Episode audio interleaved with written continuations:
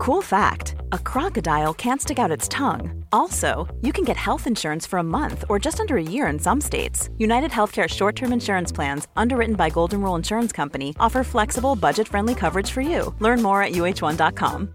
Hey, I'm Ryan Reynolds. At Mint Mobile, we like to do the opposite of what Big Wireless does. They charge you a lot, we charge you a little.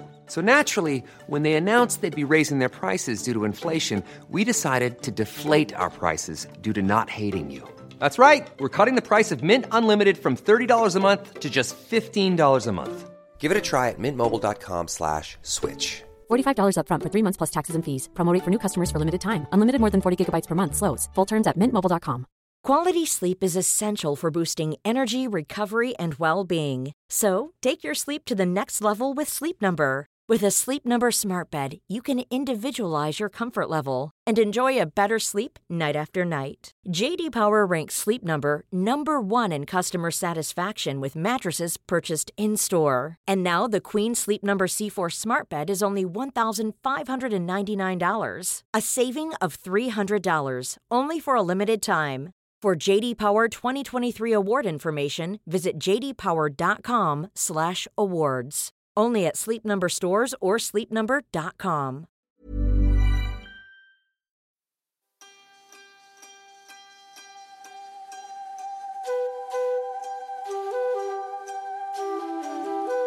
Hej och välkommen till årets första avsnitt i Psykologsnack. Äntligen ett eh, nytt och fräscht och krispigt år 2023. Hur är läget med dig, Åsa? Jo, men eh, det är eh, helt okej okay med mig tycker jag och det känns eh, kul att vi nu ska spela in igen. Det har ju varit under 2022 lite si och så mm. med inspelningar av podden. Men det får vara okej, tänker jag, att det har varit så. Vi har ju nu snackat ihop oss och planerat här inför våren och vår målsättning är ju, och vi har försökt tänka vad är rimligt för oss mm. att liksom hinna med, för det här gör ju vi på vår Eh, fritid, vår lediga tid. Mm. Att få in så att det ska vara lustfyllt och roligt. Men vi tänker att målet är ett avsnitt i månaden. Så jag hoppas att vi ska kunna fixa det. Ja, men det är bra, det är bra att du säger det nu så, så att vi har liksom andra som har hört det här. Nu, det sätter lite positiv press på oss, tänker jag. Alltså, nu får vi, ja. vi vill ju det här, vi vill ju göra det. Ja, och det är väldigt kul när vi eh, spelar in.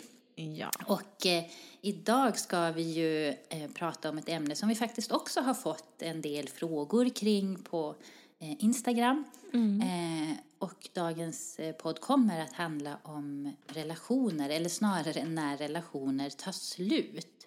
Och vi kommer ju framförallt att fokusera på när kärleksrelationer tar slut, men vissa av de här tipsen eller råden, det vi pratar om, går ju såklart att använda även andra typer av relationer kan ta slut. Alltså det kan ju vara vänskaps eller familjerelationer. Mm. Och eh, vi har ju bland annat då läst och lyssnat på boken Vägen genom skilsmässan att hantera en förlorad kärleksrelation av Anna Bennick och den eh, var ju väldigt bra tycker jag. Mm. Hon har ju faktiskt varit gäst i vår podd tidigare. Ja. Eh, hon har ju skrivit en hel del bra böcker men just för det här avsnittet så är det ju den här boken som vi har kikat lite extra i då. Eh, och när vi gjorde research inför avsnittet så pratade vi ju en del om det här med men hur vet man att det är dags att göra slut? Och eh, stötte då på ett blogginlägg på ahum.se där psykologen Jenny Knutsson resonerar lite kring frågan. Mm. Och eh, det hon säger där i sin blogg är väl att det egentligen inte finns något liksom enkelt eller lätt svar utan eh, givetvis så är ju det eh, individuellt hur mycket tid och kraft och energi som vi är eh, beredda att lägga på en relation där man börjar kanske känna att det ja, men knakar lite i fogarna. Ja, hon tipsar ju om några frågor som en kan ställa sig för att vi ska ta vara på oss själva eh, i relationen. Ja, men Mår jag bra i relationen? Känner jag mig trygg och sedd? Känner jag att jag kan få stöd i mina känslor? Och kanske framför allt trivs jag med den personen jag blir blir när jag är tillsammans med min partner. Mm. Ja, men det här är ju bra frågor att ta Ja. med sig och liksom reflektera och, och tänka kring. Och sen om man då kommer fram till att svaret på någon av, eller kanske på flera av de här frågorna är nej, ja då kan det ju vara så att man behöver fundera kring om det behövs någon eh, förändring. Eh, och hon, hon lyfter också att en signal eh, om att det kanske är dags att avsluta relationen kan vara när orsaken att stanna i den eh, är att det handlar om att man är rädd för förändringen, det kanske är en rädsla att bli ensam snarare än att man är kvar i relationen för att det är en genuin kärlek och eh, trygghet. Mm. Ja, det där måste ju vara alltså, jätte, jättevanligt. Att när man börjar komma med de där tankarna att så här, Åh, är det här verkligen bra? Ja, fast vad ska hända sen? Och hur blir det om vi inte är tillsammans? Vad ska jag göra då? Ja. Och så tänker man, nej, nej det, är nog, det, det, det, det duger. och så kanske man låter det löpa på. Ja, jag har ju kommit i den åldern, du vet, när, vi, när jag var typ runt 30.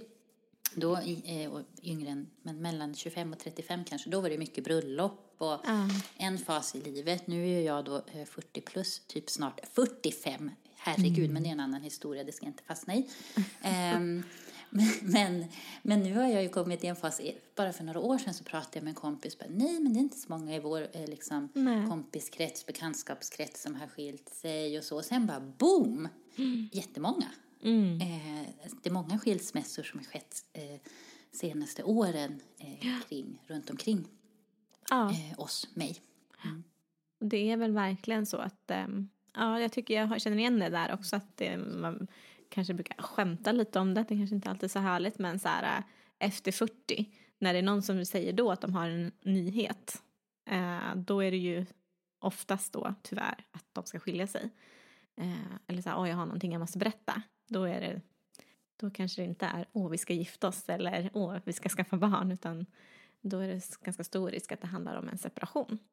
Mm. Så det var att jag, min syrra är snart 40 och när hon berättade så här, ah, men eh, vet du vad XXX berättade? Och det första jag sa så här, "Jaha, ska de skilja sig?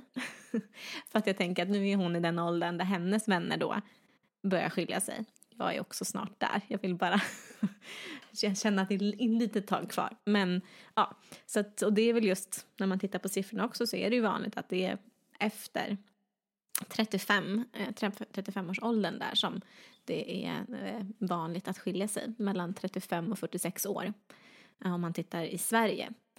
Och i övrigt om man tittar 2021 så skilde sig cirka 23 600 par i Sverige.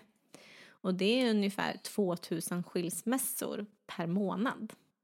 Så det är ju ganska många skilsmässor. Eh, och det är absolut ovanligast är att man skiljer sig när man är över 85 eller yngre än 19. Ja. Kan ju finnas Yngre än 19, då kanske, ja, då kanske inte så många har hunnit gifta sig, eh, tänker jag. Och efter 85, nej. Ja. Nej men det kanske, då kanske tyvärr Kanske- döden har skilt dem åt redan. Usch vad Ja. hemskt. Men det kan ju vara en anledning men också att har man varit gift så länge så kanske det inte riktigt finns någon eh, ork eller mening att skilja sig. Jag vet inte. Det kanske Nej, var taskigt, det kanske var en fördom. Men ja. Men jag, tänkte det. Men jag satt också Du och tänkte, "Mm, inte." ska jag säga? Nej, jag sa det inte. Men jag satt och tänkte det. Låt jag bara, Sandra mm. klampa i klaveret istället. Varsågod. Ja, jag tar den. Ja. Ehm, men, men det man också har sett av de här 23 600 paren ehm, som skilde sig så han ändå ehm, många av dem fira sitt eh, tennbröllop och det vill säga att de hann med tioårsjubileum och att man också har sett att äktenskapen höll i drygt 11 år i snitt. Och sen kommer vi faktiskt in också på det här som du var inne på, men det kan ju vara även när man är yngre, att en annan orsak till att ett äktenskap avslutas kan ju också vara att någon i paret eh, avlider. Ja. Eh, men där är det också att de eh, äktenskapen varade i snitt i nästan 47 år, så man kan väl tänka de här över 85 som vi pratade om. Mm. Eh, Att du inte var ute och trampade i klaveret så mycket där utan att det faktiskt Eh, kan vara så att eh, ena parten dör helt enkelt. Ja, precis. Ja, och det här med att en relation tar slut, det är ju en eh, väldigt eh, stor förlust. Och vi alla är ju med om olika förluster under livets gång. Eh, förlust av en anhörig på grund av dödsfall, ekonomiska förluster, förlust av arbete, ja, flytt till ny ort som kanske innebär förlust av det sociala nätverket. Mm. Men det är ju då inte så många eh, händelser som innebär så många förluster ja, på en och samma gång som en separation. För där handlar det ju också om att det kan vara en förlust av ja, men hur man har tänkt att livet eh, skulle vara. Det kan vara en förlust av den här eh, kroppsliga kontakten och närheten. Sen kan det ju vara så såklart i vissa relationer att man har tappat den redan under relationen. Mm. Men eh, för många kan det ändå vara att det, det också blir en förlust. Det kan vara eh, en förlust av ja, sin egen identitet, att leva i, i tvåsamheten. Mm. Och finns det då barn med i, i sammanhanget så innebär ju det också en eh, förlust av barnen, alltså ofta då varannan vecka att man har delad vårdnad. Så en förlust av familjen, av det sociala nätverket. Ja, många upplever ju att man förlorar vid liksom en, en, en, separation, att man förlorar en familj i ett vidare syfte. Man kanske förlorar gemensamma vänner, svärföräldrar, svägerskor med mera. Det kan ju vara liksom relationer som man har haft väldigt länge. Och eh, ibland är ju också en liksom separation så pass infekterad att umgäng, umgängskretsen eh, känner sig tvungna att eh, välja sida. Så helt plötsligt kan man ha förlorat liksom halva sitt sociala nätverk eller i vissa fall kanske till och med mer. Ja, så att då kan det ju, som, som vi har beskrivit här, vara ja, men många förluster att hantera samtidigt. Så att det är inte bara kärleksrelationen som man har förlorat, mm. utan många andra relationer som man har haft under, ja men kanske väldigt många år. Mm. Ja, men tänk vad tufft att liksom separera eh, från en person där du kanske har fått en jättenära relation till den personens eh, syskon och föräldrar. Det kanske är människor som du har vänt dig till när du har haft det tufft eh, i andra liksom, områden. Och sen när det blir en separation så då kanske du också skulle ha behövt de personerna väldigt mycket men du kan inte vända dig till dem för att de kanske då är i första hand eh, liksom en nära anhörig till, till en, din partner, eller din ex-partner i det här fallet då. Ja, så det måste ju vara eh, jättetufft. Så. Mm. Verkligen. Um.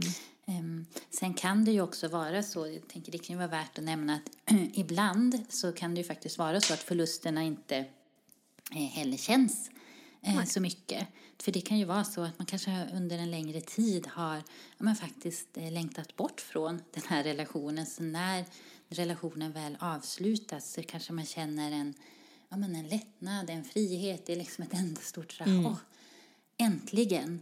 Eh, vilket också såklart, det här ska vi prata lite mer om sen, men det är ju också känslor som kan ge skuld och, och skamkänslor. Ja. Men att det kan se olika ut. Men för många innebär det ju en, en förlust som man behöver, och flera förluster då som man behöver hantera.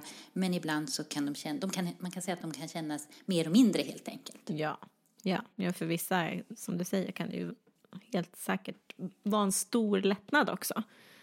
Att, att och känna att nej, men det, här, det här är det jag vill och det är det här jag mår bra av och så.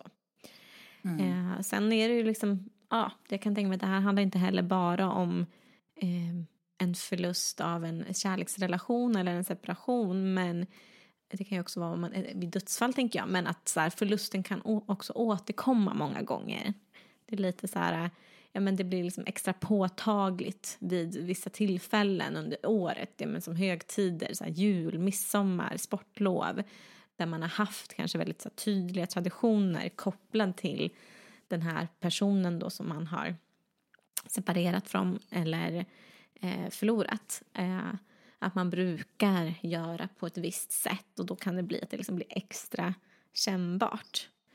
Mm. Att, att, man blir mer sårbar under de, eh, de perioderna. Mm. Mm.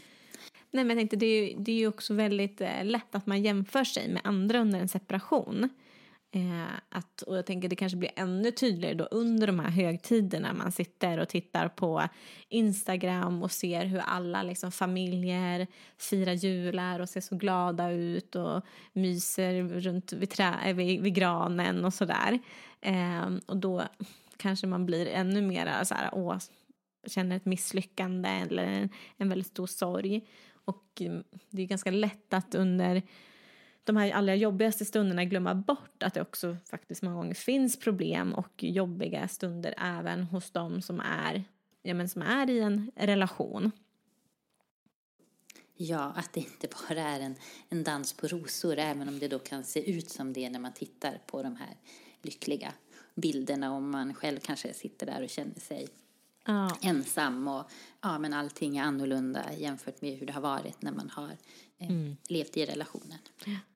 Ja, sociala medier är ju inte alltid så hjälpsamt.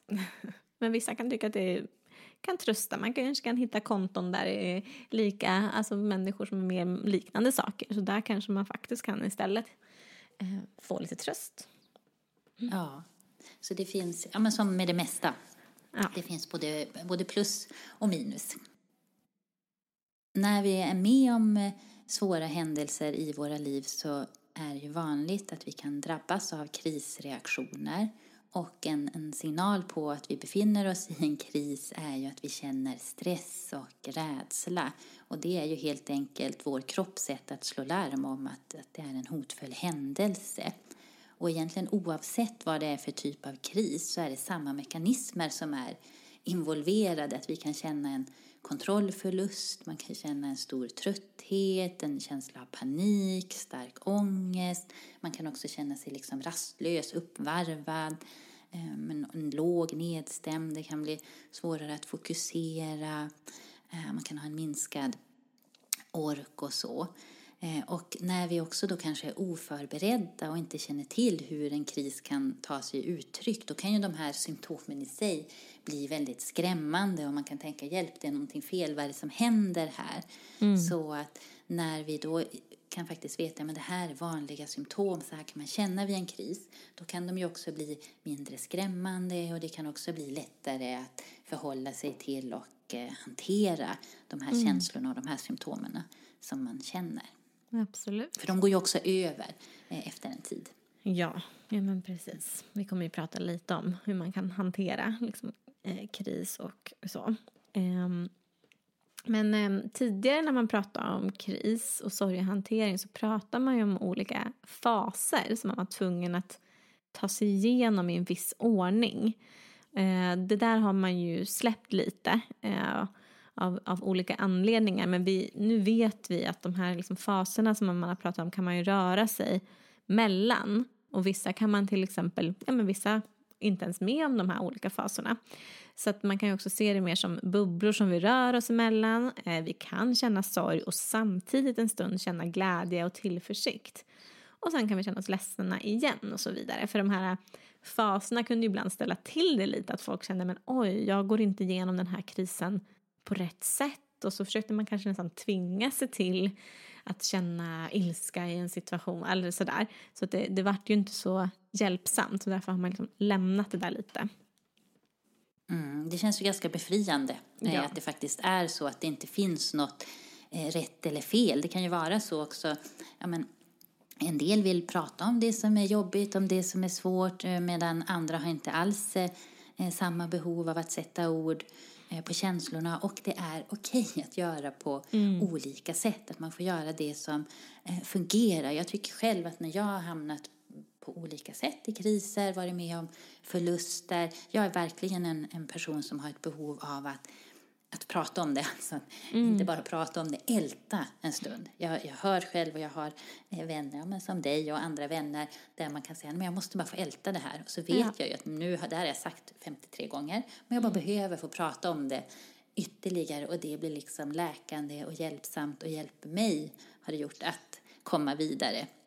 Sen såklart så, om det nu skulle fortsätta jättelång tid kanske man behöver göra något åt det, men i den här krisen så tycker jag att ältandet har haft en hjälpsam eh, mm. funktion. Sen mm. har jag eh, andra vänner eh, som inte alls fungerar på det sättet utan inte har samma behov av att älta och prata utan säger så här, nej men gud, jag har verkligen inte behov av det utan jag bearbetar på ett helt annat sätt och, och det är också helt okej. Okay. Mm. Man fungerar ju olika och vi har olika behov, olika sätt att hantera när vi är med om, om ja. svåra och jobbiga saker. Ja, och det är ju jätteviktigt för, eh, alltså, oavsett om man är den som går igenom en, en kris eller om man är den som ska stötta någon som går igenom kris. Att så här, ja, men det ser väldigt olika ut, man har olika behov så att man inte heller som då eh, liksom nära vän försöker liksom pressa någon att men du måste prata om det här. Att det är så här, nej, alltså, man måste inte prata om det. Det finns olika sätt att hantera det på. Eh, sen är det ju alltid bra kanske som, som nära anhörig eller som vän att finnas där ifall om personen vill prata om det. Mm. Precis, men att det behöver få vara den personens eget val vad den vill och om den vill prata. Ja, precis. Mm. Alla funkar inte. Alla vill inte älta. Även om jag också lutar mer åt att det är, jag gärna prata också om saker. Eh, efter ett tag, efter ett tag, om jag varit med om något jobbigt, då kan jag nog vilja först vara lite i mina egna tankar och sen prata. Ehm, men när vi har förlorat något som är viktigt för oss så är det ju liksom naturligt att sörja. Och, och det finns inga råd som kan liksom bota eh, det som gör ont. Men det vi vet är ju oftast att det, ja, men det blir lättare med tiden. I takt med att vi hittar nya vanor, kanske nya relationer och sammanhang som ger, ja, men som ger livet glädje och mening. Ja, och det är ju som vi har varit inne och pratat om nu, vanligt då att eh, må dåligt när en relation eh, tar slut. Men det finns ju också lite olika saker som vi då kan göra för att må bättre. Och en viktig del i det här är ju såklart eh, att också ha en acceptans och att det är okej okay och det behöver få kännas både jobbigt och ja, men sorgligt en tid mm. framöver. Mm. Det, kan, det kan ju låta lite så tråkigt, eh, enkelt eller hurtigt men det är viktigt och hjälpsamt under en kris att ha rutiner att följa. Att försöka att prioritera sömn, rutiner för mat och att röra på sig på något sätt. Och att också sänka kraven på sig själv. Mm, och när det handlar om det här med att hitta rutin för mat och att äta och kopplat till att sänka kraven. Att det behöver ju inte vara att man ska laga en stor måltid när man mår som allra sämst utan ja, men håll det enkelt. Man kanske köper hem, det kan vara färdig soppa, man kan äta en tallrik med yoghurt, en god smörgås. Det behöver liksom inte vara den här ja, perfekta måltiden. Men det viktiga är ju att få i sig någonting för om vi inte får i oss mat då får vi inte heller energi i kroppen och då blir vi ju också mer sårbara för ja, men jobbiga känslor och tankar som brukar kunna mm dyka upp när vi befinner oss i en, i en kris. Mm. Och när det gäller då när det gäller sömnen, eh, då tror jag också att många kan känna igen sig. när vi väl ska krypa ner i sängen, det är då som de här tankarna kanske ja. börjar snurra, för då är vi mer ensamma, då har vi inte all annan stimulans runt omkring oss som vi kanske har under dagtid. Mm. Nej, och då är det ju inte jättekonstigt om man försöker på något sätt eh, förskingra de tankarna kanske genom att, jag vet inte, titta på tv, eh, ligga och titta på mobilen eller sådär. Men, men då är det ju återigen så här, men det blir viktigt att ändå, fast man kanske inte får världens bästa sömn, att ändå eh, försöka varva ner och vila i alla fall. Så.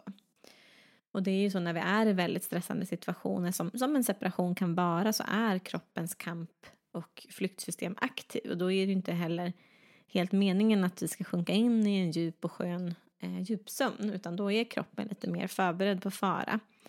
Eh, och därför kan vi ha många uppvaknanden under natten och en sämre sömnkvalitet eh, under en kris än vad vi kanske har i vanliga fall. Men mm. viktigt är återigen då att ändå säga men försöka ha en bra så kallad sömnhygien. Att man ändå liksom går upp ungefär samma tid varje dag. Man försöker kanske varva ner genom att tända ett ljus eh, ja, eh, lugna sig lite genom att ringa en vän och prata. Och ja, såklart okej okay att sova en stund på dagen om man inte har fått någon, någon sömn under natten. Så. Ja men precis. I vanliga fall när man jobbar med sömnproblem brukar man ju säga att nej, man ska inte ta de här tupplurarna på dagen. Men att under en kris då kanske man behöver tänka att göra lite mer av så här, men vad funkar? Behöver jag sova på dagen för att fungera? Ja men för 17, eh, mm. eh, sov då. Eh, och sen tycker jag också att men har man jättesvårt att sova eh, så kan det ju faktiskt ibland vara så att det, man kan behöva kanske få någon form av eh, sömnmedicin, träffa sin läkare eh, så att man bryter det där mönstret och får sova. För sömnen är så viktig för vår återhämtning för att vi ska få motståndskraft och orka med, eh, tänker jag. Mm. Eh, jag tänkte också på det här med, som du sa, att det är vanligt att vi kan ha flera uppvaknanden och så. Jag tycker när jag har befunnit mig i ja, men tuffa perioder och så, så brukar jag vakna i, det här, i vargtimmen, alltså mm. alltså där tidigt runt fyra snåret, är väl, brukar man väl säga att den inträffar på morgonen och har den där vargtimmes ångesten, det vet jag. Nu har jag varit i min relation så länge, men i tidigare relationer som jag haft när de har tagit slut. För att man är så sårbar där. Det är liksom allting, hela världen känns så här, mm. Liksom sover och man kanske vaknar i sin säng och det bara snurrar tankar och man känner sig ledsen och ensam. Och, nej, för tusan, det är ju eh, jobbigt. Och då vet jag faktiskt att eh, när jag, ja det här är ju måste ju vara 20 år sedan, men jag kommer ihåg det tillfälle då eh, när en relation tog slut. Eh, då var jag på vårdcentralen av någon annan anledning, men så pratade vi om det och då sa läkaren, men ska du inte ta lite sömntabletter här så att du kan bryta det där och okay. mm. få sova? Och, ja, men det kan ju vara eh, hjälpsamt att man behöver det under någon vecka ibland bara. Ja. Att liksom hitta funkar vad funkar det? för mig. Eh, gud, ja, men det gjorde det. Kom, det var så länge sedan, jag kommer knappt mm. ihåg. Men jag tror det. Man kan mm. väl säga hjärtesorgen, eh, säger jag lite käckt nu. Men mm. hallå, 20 år senare. Hjärtesorgen gick över. Ja. med tiden. Med, efter 20 år? Efter 20 år så gick den. Ja. Nej, det, det gick nog lite snabbare än så. Men, men det ja, var men... i alla fall väldigt jobbigt. Jag minns eh, då Mm. Liksom, för att det var en, en liksom stark och stor äh, kärlek. Äh, så. Ja men det är ju jättestarka känslor involverade såklart i en, alltså du har ju, man har ju gått in i en relation av en anledning. Eh, och så det är ju inte konstigt att det, även om man är eh, 19 eller 35, att det är liksom, det är väldigt starka känslor som är inblandade och en del beskriver ju att det kan kännas som att man blir helt liksom överväldigad av starka känslor. Att allt känns liksom super, superjobbigt exakt hela tiden. Och ett tips då är att man ändå försöker se lite variation i känslorna. Eh, att det kanske faktiskt inte är så att det känns exakt lika jobbigt eller starkt hela tiden. Att liksom försöka faktiskt påminna sig om att så här, men oj, jag log ju faktiskt åt en kollegas skämt idag. Eller det var faktiskt lite roligt att se den där eh, galna sälen på det här mimset som klappas i på magen eller vad det är. Eh, och att så, jo, men jag kunde ju faktiskt tänka på någonting annat när Åsa berättade den där anekdoten en liten stund. Att så, ja, det finns kanske lite variationer ändå, men vi är ju väldigt bra på, som jag tror att vi har pratat om i många avsnitt, det här vår negativa hjärna. Att vi är väldigt bra på att se det svåra och kan ibland, liksom, vi blir inte lika, vi uppfattar inte de här, de här mer positiva eh, stunderna lika väl som vi ser de negativa.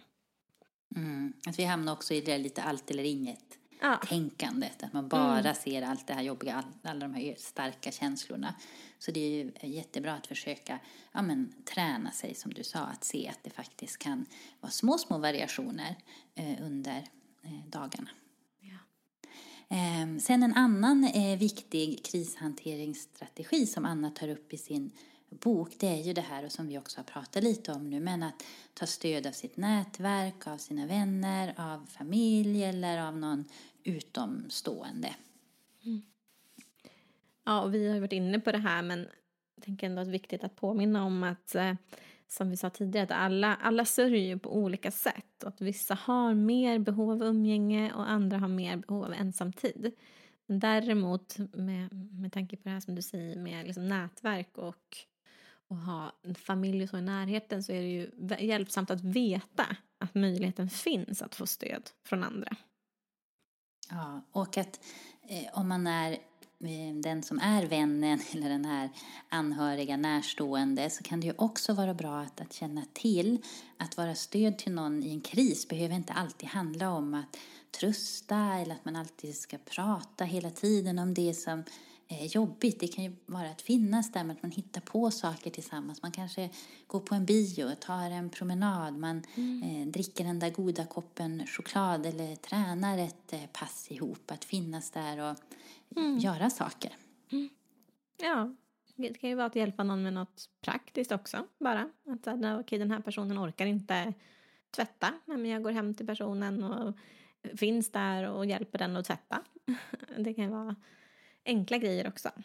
Mm. Mm, så att vi kan alla behöva både ett praktiskt eller ett liksom känslomässigt ja. stöd. Men det är ju inte eh, ovanligt att eh, människor som befinner sig i en kris kan känna sig ja, men lämnade eller övergivna av sina vänner. Och kanske för att, det här tycker jag själv att jag kan känna igen mig i eh, ibland, att när man står bredvid så kan man känna sig lite så här rädd eller orolig. Att ja, men, eh, jag ska säga eller göra fel saker. Gud, kan jag skriva så där? Nej, det låter ju för deppigt. Ja, det där låter klyschigt. Eller mm.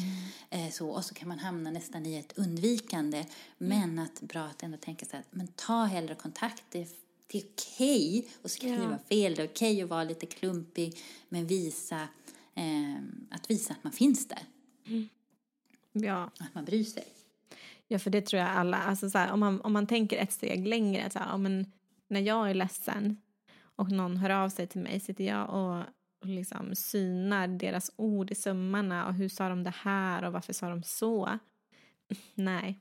Alltså, Nej. om jag är ledsen och någon hör av sig till mig så blir jag bara, antingen blir jag så här, nej jag orkar inte just nu, eh, mm. och så svarar jag det, eller så blir jag bara jätte Alltså att det värmer väldigt mycket. Att jag vet att det finns någon där som tänker på mig och att jag, om det nu är någonting som jag känner att jag behöver hjälp med så kan jag, så kan jag säga det till den personen för den har faktiskt visat att den finns där.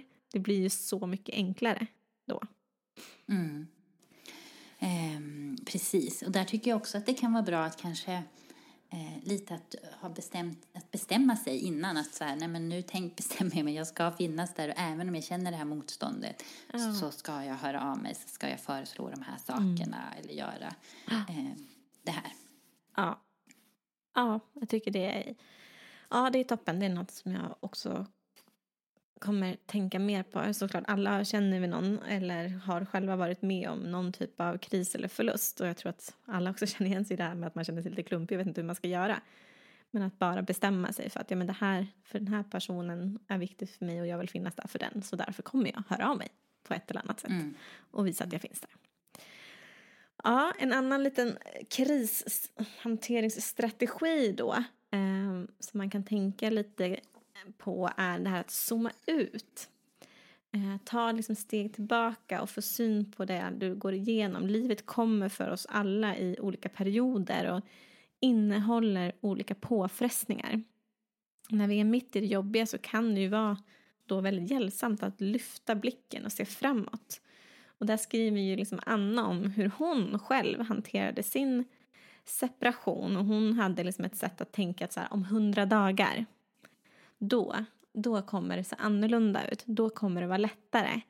Eh, och, och, hon tänker så här, I det stora hela, vad är hundra dagar? Eh, jag vet inte, jag tror hon sa att ja, men man lever ju över 23 000 dagar, jag minns inte, men det var så här, 100 dagar i det stora hela är ganska lite och det kan bli så här tröstande att tänka, men det är så här nu, men det kommer bli annorlunda. Sen kanske inte alltid precis 100 dagar, det kan vara att om ett år eller så, så kan, kommer det vara annorlunda. Ja, när man sätter in det i perspektivet, i perspektivet livet. Ja. Att det kan ändå vara hjälpsamt. Det tycker jag när det gäller många olika saker. Det pratar jag med många av mina eh, patienter i olika sammanhang. Där att zooma ut och just att sätta in det i perspektivet. Och ja. Om vi då förhoppningsvis får bli gamla, den här perioden och eh, eller om man ska göra något som känns utmanande, vad det nu kan vara för någonting, att det kan vara hjälpsamt att ta steget tillbaka, zooma ut och få perspektiv. Ja, och det är så här, ja, det här är en del av livet, men det är inte hela mm. mitt liv. Det kommer finnas andra viktiga händelser och upplevelser i mitt liv också. Eh, så att, ja, och det där kan jag tänka, alltså, det blir ju väldigt fjuttigt i, i det här sammanhanget. Men jag kan tänka så när jag är flygrädd. När jag sitter på flyget. Jag bara, men det är två timmar av mitt liv. Snart, om två timmar gör jag någonting helt annat.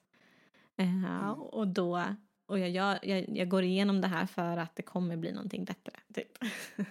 Jag, jag kommer alltså, göra jag också, någonting. Ja, jag har också ett mycket där, det är kopplat till något helt annat, men det var när jag var hos tandläkaren och jag skulle dra ut två tänder. Mm. Och då tänkte jag också så här, okej, okay, men det här kommer ta, säg två timmar.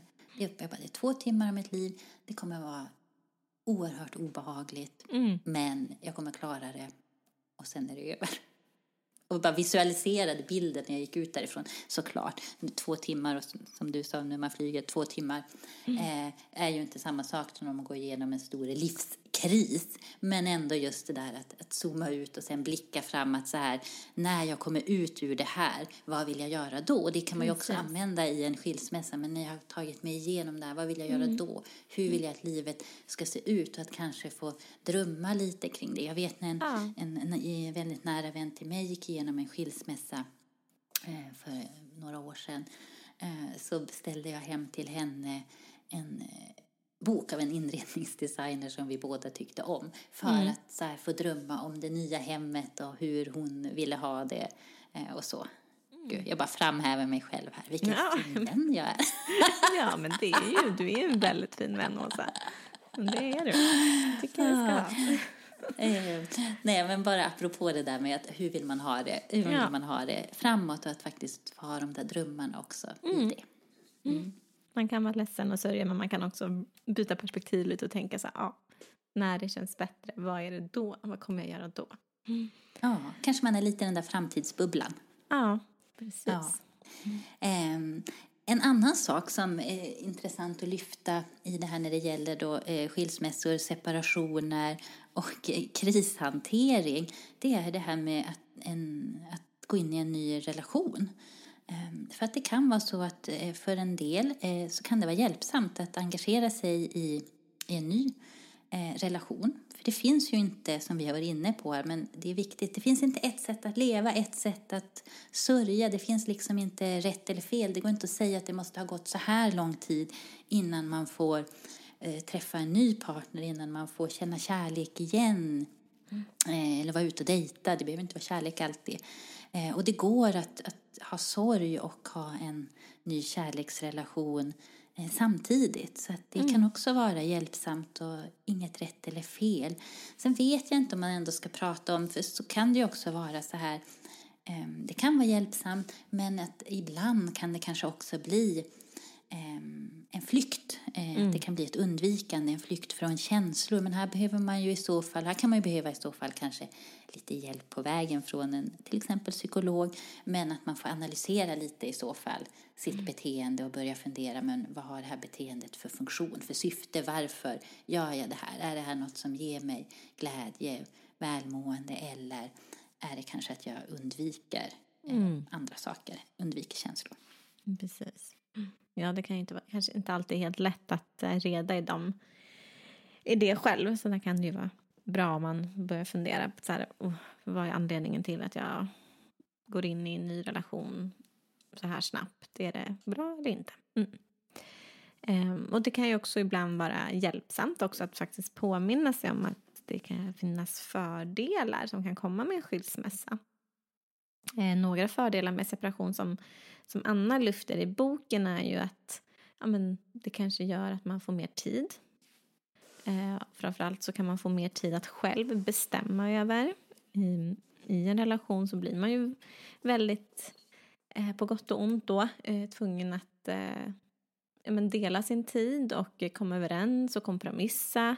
Men helt plötsligt då så får man faktiskt själv bestämma vad ska jag göra när jag har slutat jobbet idag. Jag kanske inte behöver springa hem och eh, komma överens om vad vi ska laga för middag och vad vi ska äta och vem som ska tvätta utan så här, nej, det är upp till mig. Eh, mer tid att eh, lära känna sig själv. Det är ju många som beskriver det. Att så här, ja, efter en separation, nu har jag äntligen fått eh, mer tid att förstå vem är jag, vad tycker jag om? Eh, Man har liksom kanske gått i någon typ av bubbla där man, man känner att man bara är, man bara gör det som förväntas i relationen. Så man kanske lite har tappat eh, sina egna intressen, man vet inte riktigt vad man tycker om. Och att det kan komma en känsla av frihet. Att själv kunna bestämma över de här sakerna som struktur, rutiner i sin vardag. Man behöver anpassa sig mindre. Men sen kan det ju också såklart vara precis de här sakerna som också vissa tycker är det som gör att man känner sig väldigt, väldigt ensam. Att man inte måste anpassa sig. Att det inte är någon som säger åt en att du måste plocka upp efter dig och så vidare. Mm. Ja, det kan jag tänka att det skulle vara eh, om jag gick igenom en skilsmässa Mm. där jag är nu, en av sakerna som jag både skulle kanske sakna då men också tycka var skönt är väl det där, du vet, eh, bara man är själv hemma ibland, att komma mm. hem och hemmet är precis så som man har lämnat det. Det kan jag mm. tycka är skönt. Ingen annan som har stökat ner. Nej. ja. om vi nu ska se. Ja, det här kanske jag, jag, jag skrattar också bara åt det, jag tycker det är så, det jag blir alltid så plågsamt påmind om att jag alltid är den i relationen som... Jag vet, Kristoffer skulle säga exakt samma sak som du säger. Ja, du är den som kommer hem och stekar ner. ja, att han, han är... Medan jag skulle tycka att det var så jobbigt att det ser ut exakt som det gjorde när jag gick. och jag tycker det är så skönt.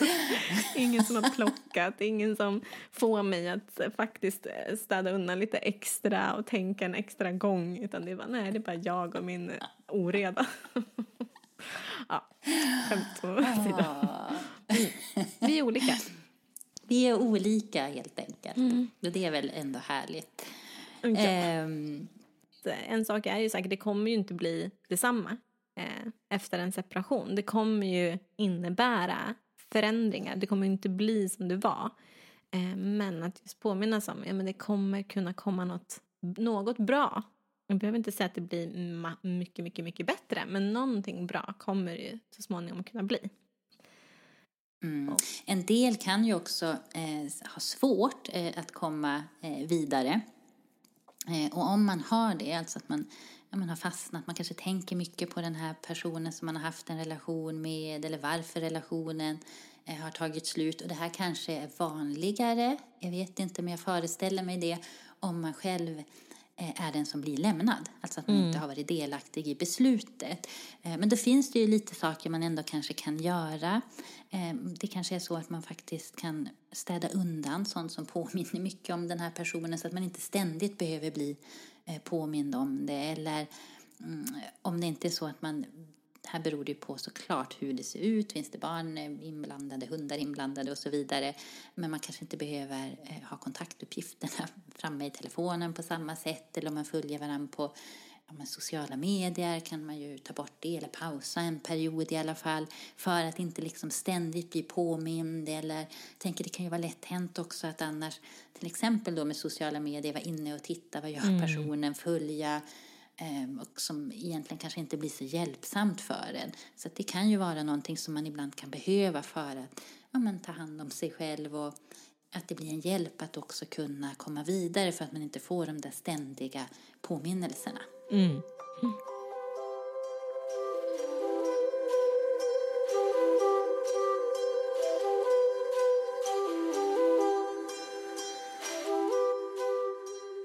Och en del har ju liksom väldigt svårt att komma vidare.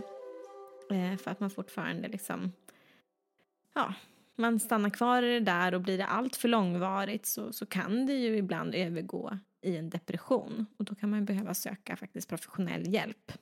Det, vi gick igenom lite, men det är inte konstigt att man upplever vissa typer av symptom och så i en, en kris. Men blir det väldigt långvarigt och du får väldigt mycket negativa konsekvenser. Man kanske drar sig undan socialt umgänge under väldigt långa perioder. Man känner sig nedstämd och låg hela tiden. Man blir mer passiv och så vidare. Ja, men då, då kan det ju vara så att det, att det handlar om att man har blivit deprimerad och då kan man behöva eh, söka professionell hjälp helt enkelt.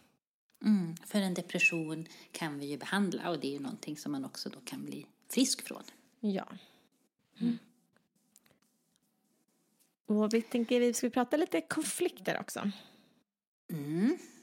Det är väl eh, oundvikligt att eh, jag tänker det behöver man ju ha med när man pratar om separation och skilsmässa. Även om man önskar att det skulle gå väldigt smärtfritt så är det ju inte ovanligt att det kan uppstå Nej. konflikter. Nej, nej. Och det är ju liksom överhuvudtaget så är det ju inte ovanligt att vi har liksom konflikter i våra nära, nära relationer oavsett om det gäller vänskapsrelationer, familjerelationer eller kärleksrelationer. Eh, att vi då och då bråkar är ju oftast liksom inget problematiskt utan kan ju också ibland vara liksom nödvändigt om det leder till att vi faktiskt löser någonting då. Och varför vi bråkar beror på många olika saker. Dels på att vi har ett medfött temperament som styr hur vi reagerar i olika situationer.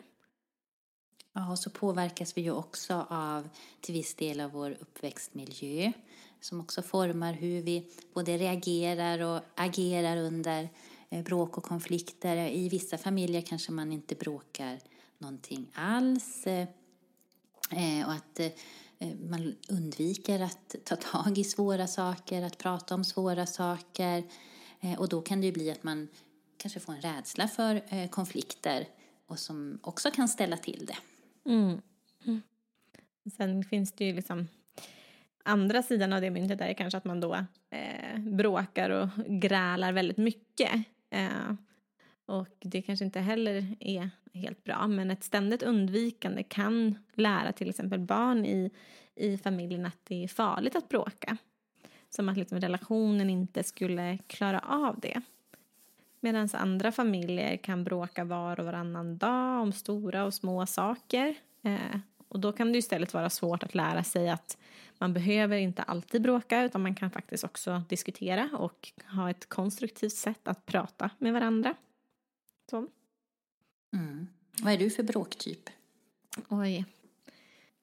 Oh, jag är det var en lite känslig fråga. jag, tror tyvärr, jag vet inte vad som är eh, det bästa, det är väl det där eh, konstruktiva sättet.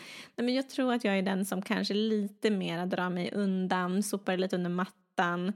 Eh, jag vill helst inte bråka, mm, lite konflikter, men har blivit bättre på det. Att så här, nej, för att annars vet jag att det bara går och kokar under mig och så blir allting jättetråkigt och då går man runt och är småirriterad hela tiden.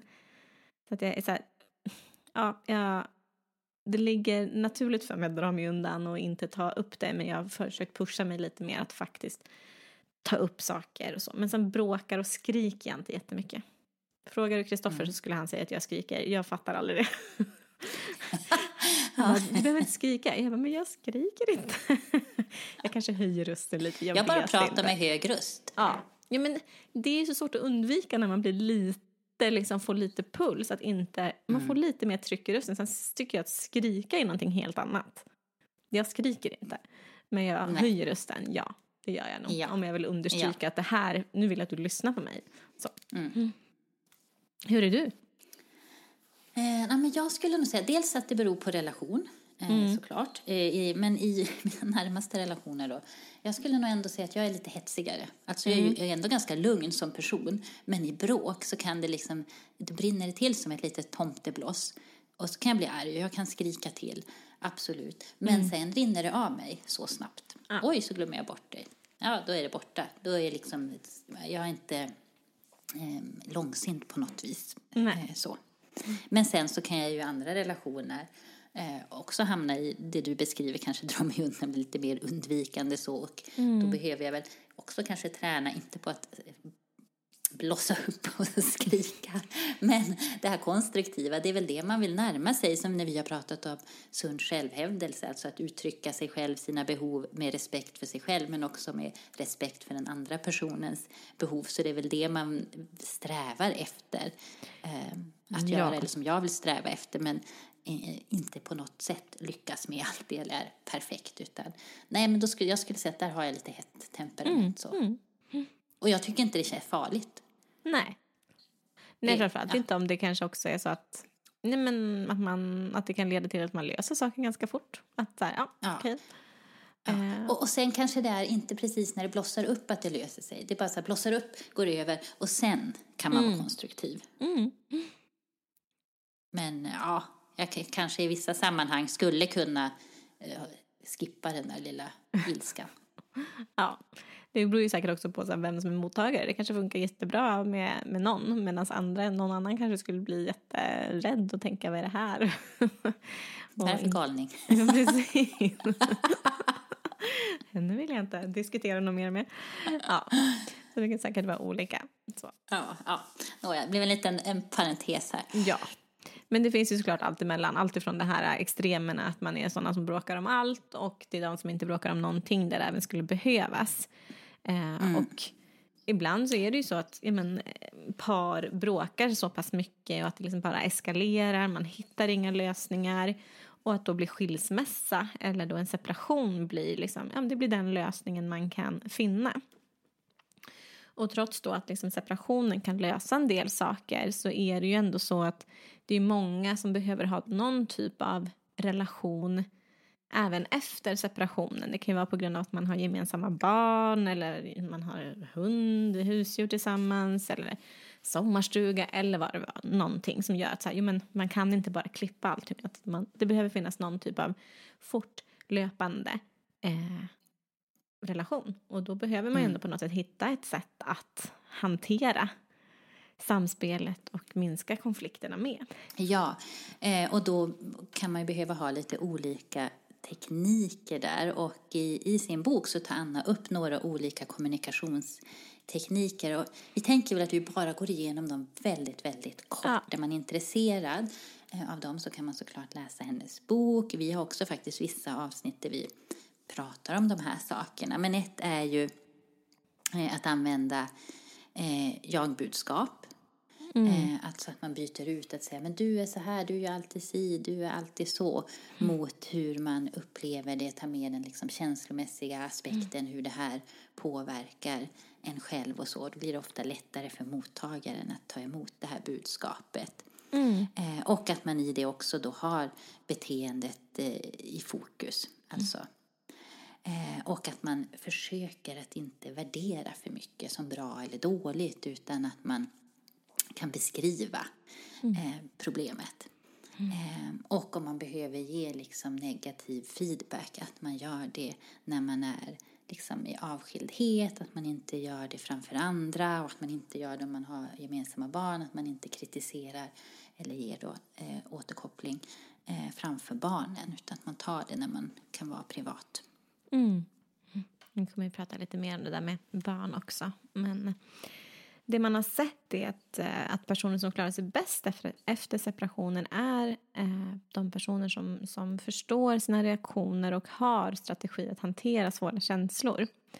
Och det finns ju flera sätt att eh, reglera känslor på och eh, vi har ju pratat om det eh, i ett helt avsnitt då, faktiskt kring känsloreglering.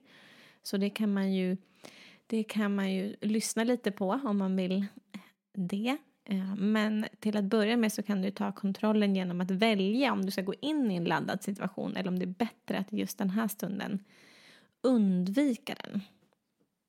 Mm. Eh, och om det då är så att man ändå befinner sig i en, en laddad situation då kan man faktiskt eh, öva lite grann på att börja lägga märke till sina känslor och hur de förändras men försöka eh, att inte agera på dem. Om man ändå känner den här impulsen att det liksom kryper igenom, man känner men jag vill bara liksom mm. säga ifrån eller vad det nu är för någonting. Eh, att istället rikta fokus på andningen. Att så här mm. kanske fokusera lite i andningen. Kanske man känner också lite, kan känna lite tyngd mm. i kroppen, lugna ner sig. Och att ha fokus på hur kan man lösa det här problemet och om en stund hur vill jag då kunna titta tillbaka på det här och hur jag har hanterat det. Och är det så att man känner, för så kan det ju också vara, att mm. man känner sig så upprörd eh, att det inte går helt enkelt. Och då är det nästan bättre att man faktiskt kan be om en paus och att eh, mm. säga att ja, men jag, gud, när jag är så upprörd just nu kan vi, jag får komma tillbaka om en stund så får vi prata för nu kommer vi liksom inte framåt här. Mm. Och så pausar man och så fortsätter man när man är lite lugnare. Ja. Man kan ju också ha lite som en strategi att, eh, att inte liksom, om man nu är väldigt frustrerad eller arg, att man ändå inte liksom kontaktar personen i onödan. Att först kanske så här, men jag pratar med en vän först och kommer överens om att Alltså jag ringer och rådfrågar den här vännen eh, innan jag gör det här som jag får lust att göra. Som kanske är något väldigt impulsivt att ringa och säga att men du är ju fan den värsta föräldern jag vet som aldrig kommer i tid eller vad det nu är. Um, att man liksom tar det först, man lugnar ner sig, man kanske hinner reglera lite, kanske prata igenom hur ska jag säga det här för att, för att liksom nå målet på bästa sätt. Vad är det jag vill få ut av det här samtalet? Man kanske också kan skriva ner det, vad man vill säga i ett mejl. Och läsa igenom och se, ah, vänta nu, har jag sagt det som jag vill säga? Hur kommer det här tas emot? Eh, kanske också avvakta lite tills känslorna har lagt sig och då också besluta, ska jag skicka det här mejlet eller inte? Vad kommer det leda till? Mm. Det är ju bra tips. Alltså mm. att, att uh, skjuta på beteendet helt enkelt. Ja, inte agera eller reagera i stunden. Sen mm. är det ju såklart så här, men ibland går det inte att få till ett bra samtal hur mycket vi än försöker. Vi är ju alltid, vi är ju två minst i ett samtal. Så det, det, är svårt att kontrollera det fullt ut och om det blir ett dåligt samtal så att ändå försöka liksom ta hand om sig själv eh, efteråt och vad kan man göra? Man kan göra lite after action review, att ändå liksom så här, okej, okay, vad var det som hände? Vad, vad gjorde jag? Vad var det som inte funkade? Vad gjorde den andra personen? Är det någonting jag kan göra annorlunda nästa gång vi har ett sånt här samtal? Men också så här, ja, ibland går det bara inte. Och så, här, det, och så, så är det. Mm, och att det också får vara okej. Okay. Ja. Mm.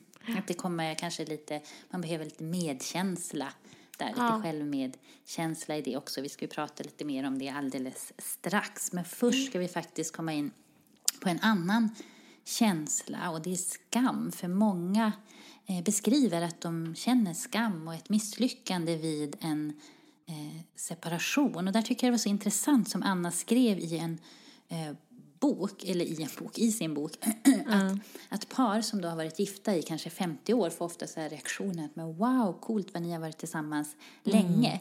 Medan att då en person som kanske berättar att eh, man har tagit beslut om att separera, att skilja sig, då får man mer så här ett beklagande, lite medlidande, mm -hmm.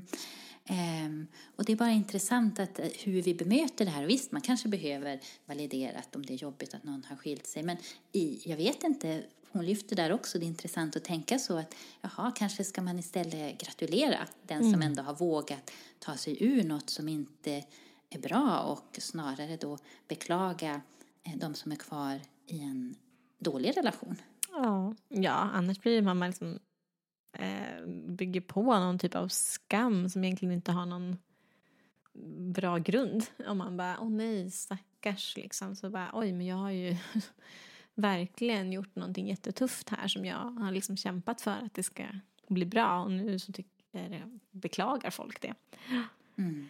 Ja, och skam är ju en, en tuff känsla och är en av våra grundaffekter eller känslor och är medfödd. Och alla kan vi uppleva skam och det kan vara en väldigt stark känsla ibland. Det kan kännas som att vi vill sjunka genom jorden och bara försvinna. Och i relation är skam viktigt för att den i grunden syftar till att hjälpa oss att navigera i sociala sammanhang och i våra nära relationer. Det lär oss liksom att anpassa oss till andra på ett funktionellt sätt. Ja men precis, skam lär ju oss att göra annorlunda när vi uppfattar att vi har gjort någonting eh, fel. Eh, och skam är ju också till stor del kopplad till de sociala normer som vi lever efter. Och här är också intressant att i en kultur som vi lever i att det kanske mycket handlar om att sträva efter det här så kallade perfekta. Då kan ju mm. också den här skammen komma när vi känner att vi inte lever upp till de här kraven. Och där blir det ju, vad ska man kalla det, kanske en mer dysfunktionell skam. Alltså den här mm. skammen blir ju inte hjälpsam längre utan den får oss bara att, att må dåligt och kanske gör att vi kan börja få mer mm, självkritiska och nedvärderande tankar och ja, men, eh, självhat och så. Mm. Ja, den gör, ju, den gör ju kanske att det kan vara svårare för oss att hantera kriser. Den får oss att vilja liksom, dölja kanske då. Att säga, ja, men om folk går och beklagar en separation, men då kanske inte jag vill prata så mycket om den eller sådär, utan man kanske drar sig undan och eh, ja, när vi känner skam så drabbas vi också av nedvärderande och kritiska tankar och precis som du sa där, självhat. Um, och det kan bli ett hinder från det vi faktiskt behöver i en kris. Vi kanske behöver prata om det, vi kanske vill eh, få medkänsla från andra och oss själva. Eller vi behöver det. Mm. Och vi kan ju då träna på, liksom utmana det här och minska eh, skammen genom beteenden, precis som du sa här nu, men att, att prata, att ta hjälp av andra och finns det barn inblandade och vi ska prata ännu mer om barnen, men då är det ändå extra viktigt också att de får möjlighet att prata om det här och eh, ställa frågor. Och i undersökningar så har man ju sett att eh, de negativa konsekvenserna efter en separation, separation har minskat eh, över tid och en Eh, bidragande anledning till det här tror man är att skilsmässor har blivit vanligare mm. och mindre då kopplade till skam eh, och skuldkänslor och känslor av att vara misslyckad och ja, men att, att fler pratar om det så att jag tänker att det inte är någonting liksom avvikande eller konstigt. Nej. Nej, normen kanske börjar skifta där. Som du säger, skammen handlar ju oftast om det här med att man ska gå i normen men normen är kanske inte längre att tvåsamhet hela livet utan att det finns någonting annat också. Um, och ett annat sätt att möta skam är just det med medkänsla. Uh, vi har ett helt avsnitt om självmedkänsla för den som är intresserad. Och självmedkänsla handlar ju om att kunna ge det vi kan ge till andra. Att uh, när, det no alltså, när de är med om någonting som är jobbigt att även kunna ge det till oss själva. Och det kan handla om att visa förståelse, inte vara så dummande, kunna stötta och trösta. Ja, och självmedkänsla handlar ju inte om att förneka svårigheter och bortse från dem utan tvärtom. Det handlar ju om en insikt om att ja, men jag själv, precis som andra, eh, kommer vara med om jobbiga saker i mitt liv ibland och det är okej. Okay. Mm.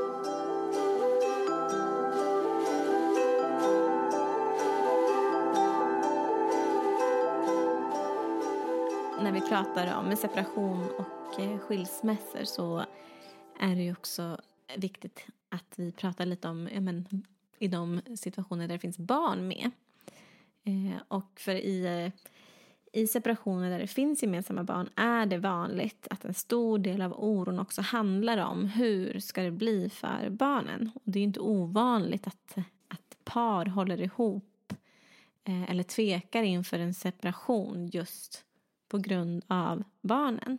Och i Sverige är det ju så att cirka 50 000 barn eh, per år är med om att deras föräldrar eh, separerar. Eh, och idag är det ju då ungefär 35 40 procent som har delad vårdnad efter separationen. Och det är ju en stor förbättring i jämförelse med hur det var på 80-talet. Då var det bara cirka 1 procent. Och jag tänker mina föräldrar skilde sig i början på 80-talet. Mm. Och då eh, var ju jag varannan helg hos min pappa och bodde större delen av tiden då hos mamma. Och så såg det ut. Alltså alla mina vänner som hade skilda föräldrar. Jag tror inte det var någon som hade delad vårdnad. Nej. Det och var det liksom märkligt. alltid mamman då? Om vi tänker att det är... Ja, jag tror, jag, nu vet jag inte, jag kan inte säga så här eh, statistiskt hur det ser ut, men i alla fall hur det ser ut bland de jag eh, kände så var det ju i majoriteten som bodde med mm. mamman. Mm. Mm. Sorgligt. Ja, då förstår man ju verkligen att det kan bli en förlust, alltså när det var på det sättet, att det blir en förlust av barnen också vid en separation. Om man från mm. att få träffa sina barn varje dag till så varannan helg. Det är en ganska, ganska stor förändring. Ja, det är bra att det har blivit förändring där. Så. Ja, och bra för barnen framförallt tänker jag. Eh, för barnen ja. behöver ju båda sina föräldrar så länge såklart båda föräldrarna är sunda och friska och liksom välfungerande. Sen kan det finnas fall där det inte är så, men om vi mm. pratar generellt så. Ja. Och alla känner vi ju liksom någon som har varit med om en separation där ja, men det har blivit liksom infekterat och där barnen kanske har blivit lidande till viss del. Och det är viktigt att komma ihåg att barnens bästa är själva grundprincipen i FNs barnkonvention och det är vi vuxna som har ansvar för att se till att barnens mänskliga rättigheter tillgodoses. Mm. Eh, jag vet inte om det hörs här, men jag har ju en hund här hemma. Yeah, Hon voffar också lite för det här med barnens rättigheter och djurens rättigheter, säger hon nu. Ja. det är det hon pratar det om. Vi Så jag ber om ursäkt för lite, lite skäll här. Ingen fara. ja, men sen eh, tillbaka här så kanske det inte är så enkelt då att det finns liksom en universallösning på vad som är bäst för, för barnen i en sån här situation. Och sen kan det ju faktiskt också vara så i att eh, vi vuxna i en separation kan ha olika syn på vad mm. som är det bästa eh, för barnen. Mm. Ja, och det är inte helt enkelt för en person som är mitt uppe i en känslomässig storm att varje sekund tänka på barnens bästa. Olika egna behov kommer att styra oss vare sig vi vill det eller inte och vare sig vi är medvetna om det eller inte. Det är liksom ett väldigt svårt och ja, tufft område. Det, jag tror vi, jag men, både du och jag har ju träffat vänner men också tänker i vårt jobb har vi ju träffat personer som, som genomgår eh, separationer där barn finns med och ja, det är himla tufft att liksom å ena sidan tänka på, på barnens bästa men också att på något sätt försöka tillgodose sina egna behov och vad man själv behöver i en sån tuff situation som, som det är, en kris. Mm. Verkligen. Eh, och I sin bok så tar jag Anna upp lite forskning på det här området och studier som har undersökt hälsan hos barn till föräldrar som är separerade i jämförelse med andra familjekonstellationer. Eh, och resultaten där visar ju att barn som växer upp i en kärnfamilj eh, fick högre resultat vad som gäller upplevd livskvalitet i jämförelse med de barn som levde med separerade föräldrar. Eh, nu innan vi fortsätter tror jag måste muta min ja. hjälpreda, för nu pratar hon väldigt mycket. Jag kommer strax. Och i de här studierna då så fann man att eh, i familjerna där tiden delades lika mellan föräldrarna som var separerade rapporterade högre resultat när det gällde livskvalitet, familjeliv och kompisrelationer i jämförelse med de barn som till största delen levde med enbart den ena föräldern. Och skillnaden mellan då så kallade liksom kärnfamiljen och växelvis boende i de här delarna var väldigt liten. Mm. Det är ju fint att höra. Ja. Mm. Eh, och andra slutsatser då som har dragits utifrån forskning eh, är att det inte är mer gynnsamt att hålla ihop för barnens skull om det är så att man bråkar mycket och vantrivs med varandra. Då tyder det mesta på att det faktiskt är bättre att eh, skilja sig.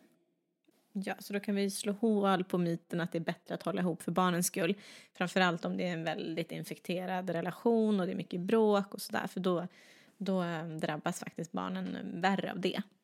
Så slutsatsen är att alla separationer eh, är inte eh, utav ondo för barnen. Alltså det är ju såklart en tuff period där barnen också behöver mycket tid och stöd och omtanke.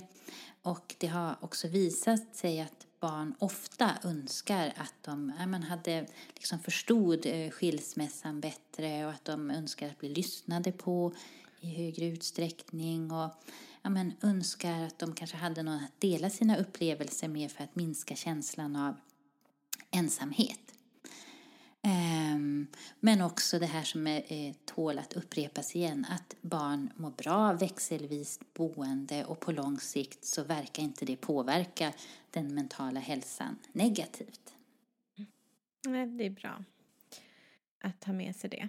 Ehm, mm.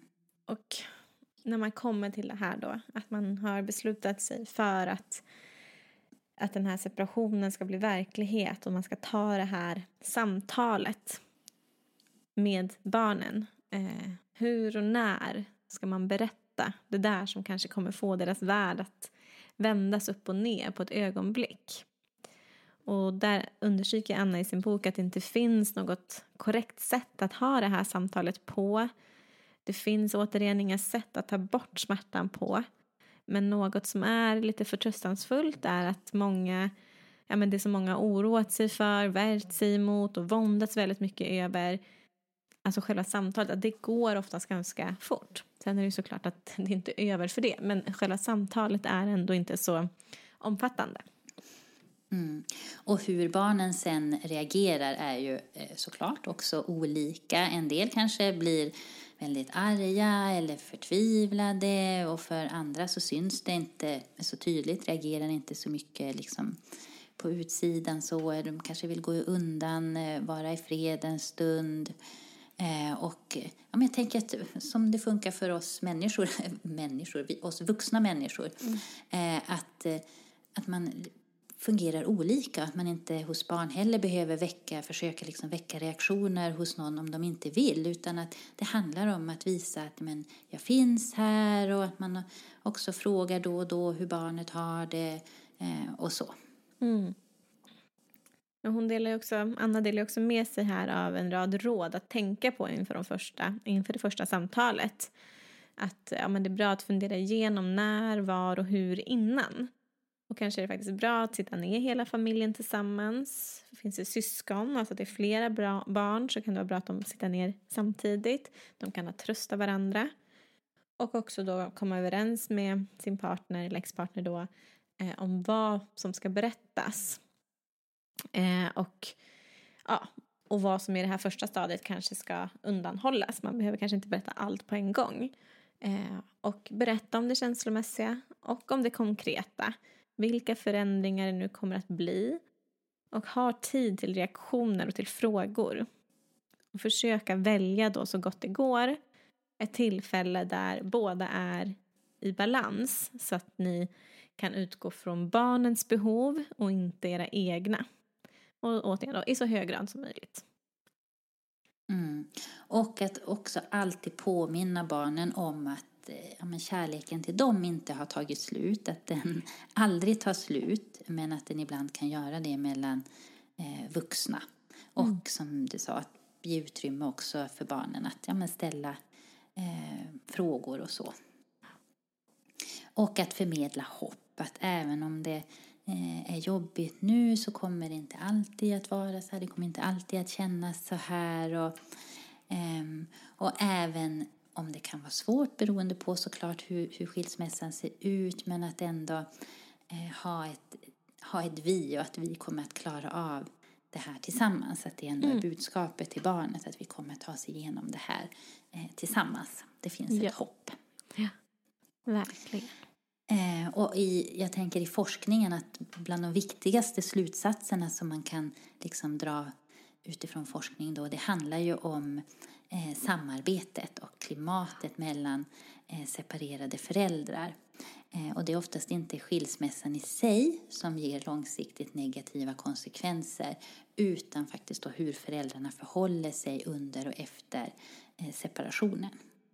Och att där kan det ju vara bra att eh, eh, verkligen försöka ha barnen i åtanke. Och är det väldigt svårt och infekterat här så finns det ju hjälp att få. Alltså mm. i parterapi, jag tänker kommunerna erbjuder familjerådgivning så att man kan få stöd hur man kan lägga upp det här samtalet, hur man kan få till en samarbetsrelation så känns det här väldigt svårt att lösa på egen hand, att inte tveka att söka hjälp. Ja. Mm. Och jag tycker att det är en bra regel också som, som Anna ändå tycker jag uttalar tydligt. Så här, prata aldrig skit om den andra föräldern framför barnen. Mm. Det, kommer, det hjälper ingen. Mm. Nej, utan där är det väl som det här som vi sa tidigare också att om man behöver ge eh, negativ feedback, att ta det avskilt, ja, ta det precis. inte framför barnen. Ta mm. inte framför barnen. Det kan bli något otroligt svårt för dem att hantera. Mm. Att känna sig liksom splittrad och så. Så att hur mycket man än vill spy ut någonting så gör inte det. så. Nej. Mm. Eh, och nu börjar vi ju närma oss slutet på eh, poddis idag. Och vi har gått igenom lite här kring eh, ja, men, skilsmässan, krisen, lite hanteringsstrategier, eh, hur man kan förhålla sig eh, och när man har barn inblandade eh, och så. Och tycker man att det här är intressant kan vi varmt rekommendera eh, Annas bok Mm. Eh, som är väldigt bra, som alltså heter eh, Vägen genom skilsmässan, att hantera en förlorad eh, kärleksrelation. För hon tar ju upp mycket, mycket mer än det vi mm, har tagit del av och mm. delar med av oss här. en sista reflektion kanske vi ändå kan ta med där som är lite intressant och som hon också beskriver i sin bok som handlar om eh, den här illusionen om den eviga lyckan. Mm. För hon resonerar ju kring den här inställningen som finns i vårt samhälle idag om evig kärlek och hur den också faktiskt kan då bidra till orimliga förväntningar på våra eh, relationer. För vi vet ju att det inte är som på film men ändå så skapas ju de här förväntningarna utifrån vad vi har omkring oss och vad vi tar del av. Alltså i, ja men herregud, man har väl själv sett de här romantiska komedierna, mm. men som vi pratar om, det man tar del av på sociala medier, vi kollar på serier och får en bild av hur kärleken ska se ut. Och om vi då jämför oss med det här ehm, så kan ju det här missnöjet leda till att vi faktiskt också då försöker ändra vår partner så att den ska bli på det där sättet som vi tänker, vilket kan leda till gräl och gräl mm. leder sen till mer avstånd. Mm. Ja, hon beskriver ju att det finns de här studierna som visar att äh, människor i långa monogama äktenskap äh, inte uppger sig vara mer nöjda än andra. Liksom att det finns studier som visar att när vi levt några år i, våra, äh, i vårt andra äktenskap, alltså en ny längre relation, så är vi inte så mycket lyckligare för det. Mm. Det är intressant. Verkligen. Och en del beskriver ju sig som lyckligare eh, då i sin nya relation. Eh, men de allra flesta beskriver att de är ungefär lika nöjda eller missnöjda som de var i det första äktenskapet. Eh, och några tycker att de har fått det sämre. Eh, och för många kan också den, själva den nya relationen vara bättre och vara bra. Men att det sen också blir mycket mm. ja, men stress och oro kanske runt omkring. Alltså med, det eh, kan vara bonusbarn inblandade i nya boenden och, och så vidare. Och att det också såklart kan påverka och försvåra eh, relationen. Mm. Mm. Ja, det är inte lätt. vad, vad säger det här oss? Eh, vi kan väl i alla fall säga att det är är så att eh, våra förväntningar på lycka kan ju verkligen ställa till det ibland. Eh, men att det är väldigt viktigt att vi faktiskt kan skilja oss och att vi kan gå vidare. Att våra relationer kan se ut på olika sätt. Och att ett livslångt äktenskap inte är det enda sättet att leva. Och att skilja sig inte ska vara kopplat till skuld och skam. Och med de orden så tar vi och avrundar och avslutar eh, dagens podd som eh, har varit kul eh, att mm. spela in och som blev som vanligt längre än vad vi hade tänkt, tror jag. Bara eh, när jag tittar på klockan här tror jag vi har pratat ja. ganska länge. Men mm. det, så kan det bli mm. ibland. Och nu fick ni ju med er boket på boket, boktipset eh, på Anna Bennicks bok. Men kan också tipsa om en bok av Malin Bergström, eh, mm. Att skiljas med barn, föräldrar i två hem. Eh, och sen såg jag också en, den här har jag, jag har inte läst den, men eh, den lät lite spännande, eh, av Moa Herngren, Skilsmässan, som är lite mer eller lite mer, den är skönlitterär uppfattar jag okay. den som. Och hon är en av manusförfattarna till Bonusfamiljen. Ja. Så tänker jag att då kanske den också kan vara bra, kan man ju kika lite på. Ja, den måste man är jag kolla intresserad. In. Bra tips. Um, så um, Tack för att ni lyssnar och eh, vi hörs snart igen får vi säga. Ja, nu är det ju bara om en månad. om vi ska leva upp till våran plan i alla fall. Ja. Det hoppas vi. Mm. Hej då! Hej då!